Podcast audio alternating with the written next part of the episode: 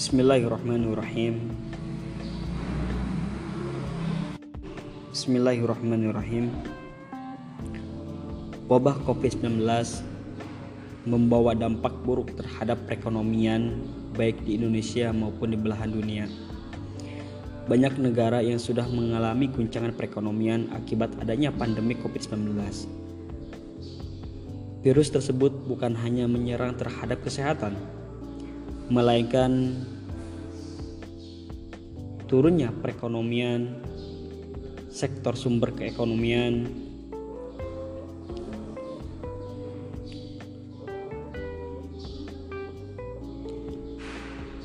pemerintah cekap tanggap dalam proses penanganan. Berdasarkan data terkini yang disampaikan juru bicara pemerintah Bapak Ahmad Yuryanto pada hari Jumat 8 Mei 2020 untuk penanganan virus corona jumlah kasus terkonfirmasi positif virus corona telah mencapai angka 13.000 112 orang. Periode yang sama menunjukkan bahwa ada penambahan 113 pasien COVID-19 dinyatakan sembuh. Hingga kini total ada 2.494 pasien yang dinyatakan negatif virus corona setelah menjalani dua kali pemeriksaan.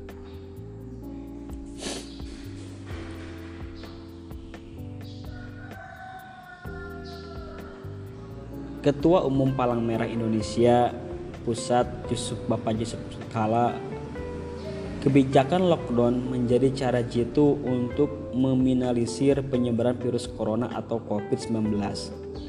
Tiongkok dapat memperlambat walaupun tidak 100% karena lockdown. Namun negara bambu ini sangat disiplin dalam melaksanakan aturannya. Bapak Yusuf Kala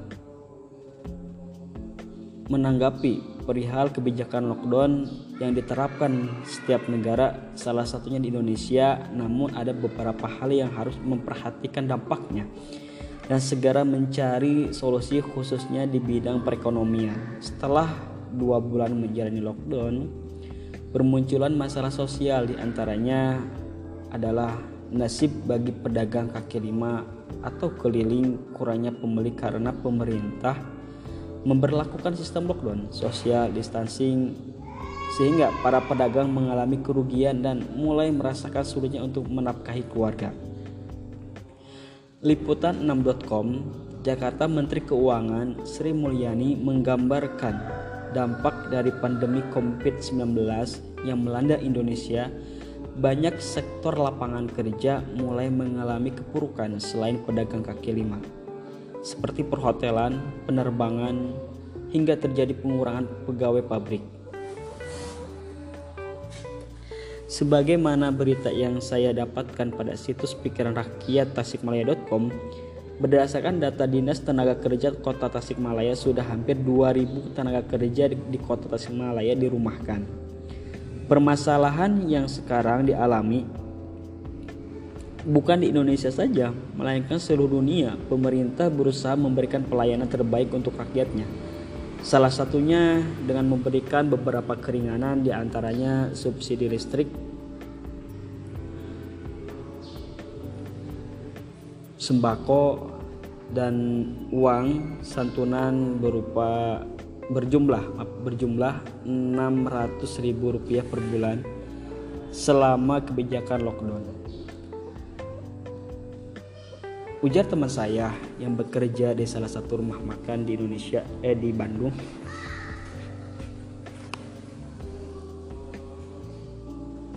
Dia harus menerima kebijakan dari dari usaha tersebut, perusahaan tersebut yaitu pulang ke rumah. Awal informasinya hanya untuk pengurangan jam kerja namun dijadikan kesempatan bagi orang yang tidak bertanggung jawab untuk menggantikan posisi dia. Di tengah COVID-19 ini ada orang yang menjadi kesempatan untuk kepentingannya. Awalnya pengurangan jam kerja, pertengahan perjalanan berubah menjadi pulang selamanya alias PPHK.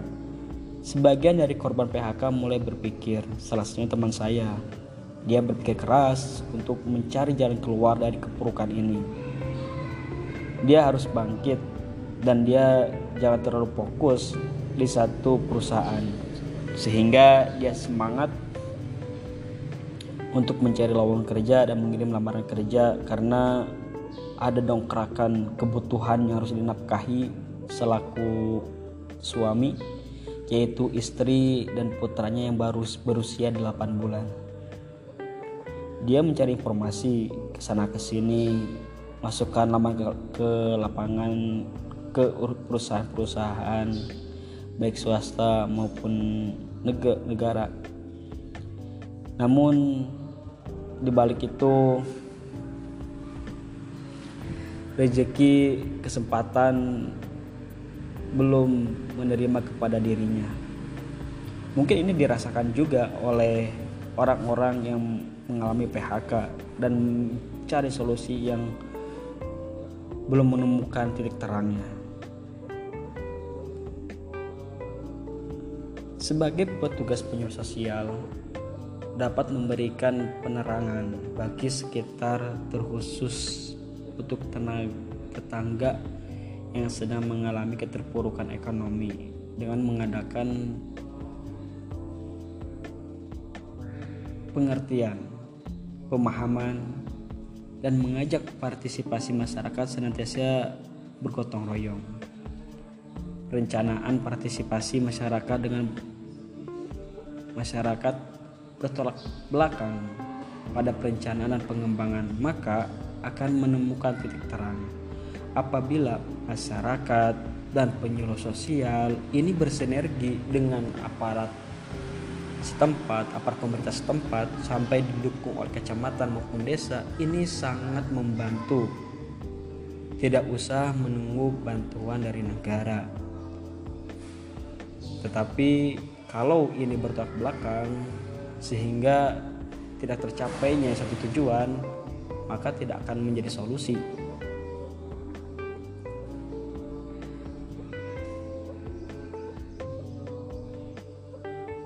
seperti apa apabila ini bersinergi dimulai dari pihak aparat setempat pemerintah aparat pemerintah setempat tokoh masyarakat dan didukung oleh RT RW dan desa maupun kecamatan ini akan menemukan pertama partisipasi dalam pengambilan keputusan. Langkahnya mau seperti apa?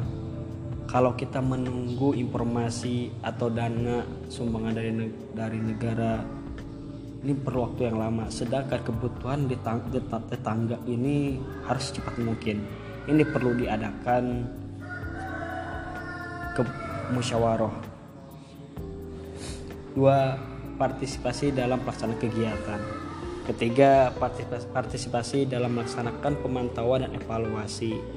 Setelah keputusan ini dijadikan dan si dan keputusan ini berdampak satu kegiatan, maka perlu adanya evaluasi dan perlunya adanya controlling. Partisipasi dalam melaksanakan pemanfaatan hasil dari gotong royong. Strategi dalam upaya yang layak untuk mengatasi ekonomi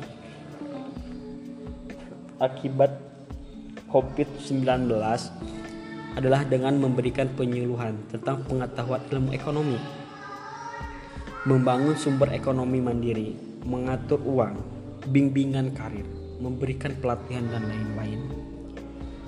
Agar tidak terjadinya pengangguran yang banyak. Pasca COVID-19 ini banyak perusahaan membuka lowongan kerja namun banyak pula yang pendaftarnya. Sehingga kesempatan peluang dan kesempatan ini sangat kecil. Peluang banyak kesempatan kecil. Maka perlukannya tahapan pengertian, pemahaman atau pelatihan agar tidak terjadinya pengangguran yang banyak. Peran aparat pemerintah setempat bekerjasama dengan tokoh masyarakat sangat diharapkan guna terjadinya kerukunan dan perdamaian agar terhindar dari pergaulan bebas. Masalah ini menjadi permasalahan yang objektif. Mengapa? Orang sering bekerja di luar kota alias di ibu kota maupun di di luar kampung sedangkan mereka udah mengetahui pergaulan. Pergaulan di kota sama kampung berbeda. Maka orang-orang yang yang datang dari kota ini datang ke kampung itu khawatir membawa pergaulan yang tidak pas untuk di kampung sehingga orang-orang kampung belum siap menerima dari pergaulan tersebut.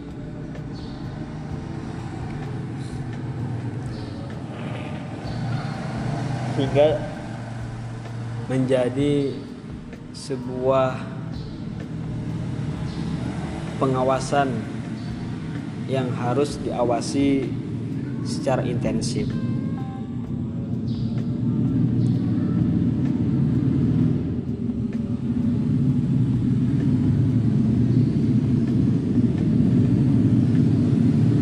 Kampung masih banyak lahan perkebunan, sawah, kolam ikan inovatif dan kreatif. Sangat menunjang apabila kita kala kita dilatih kondisi seperti ini maka sepintar mungkin untuk mengendalikan alam agar bersahabat. Di Jawa Timur ada sebuah perusahaan catering sekarang beralih profesi menjadi tukang sayuran organik online dengan media penjualannya online adapun jasa pengiriman bisa dengan aplikasi Gojek atau Grab atau GoFood Kebersihan dan keamanan tetap menjadi poin utama tatkala kondisi alam seperti ini.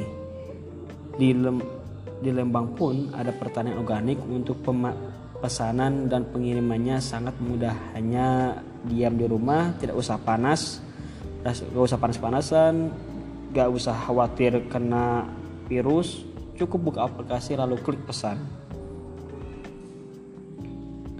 Setelah melakukan strategi membuka lapangan kerja mandiri dengan memperhatikan mutu jual, hal ini lambat laun akan menjadi perusahaan besar.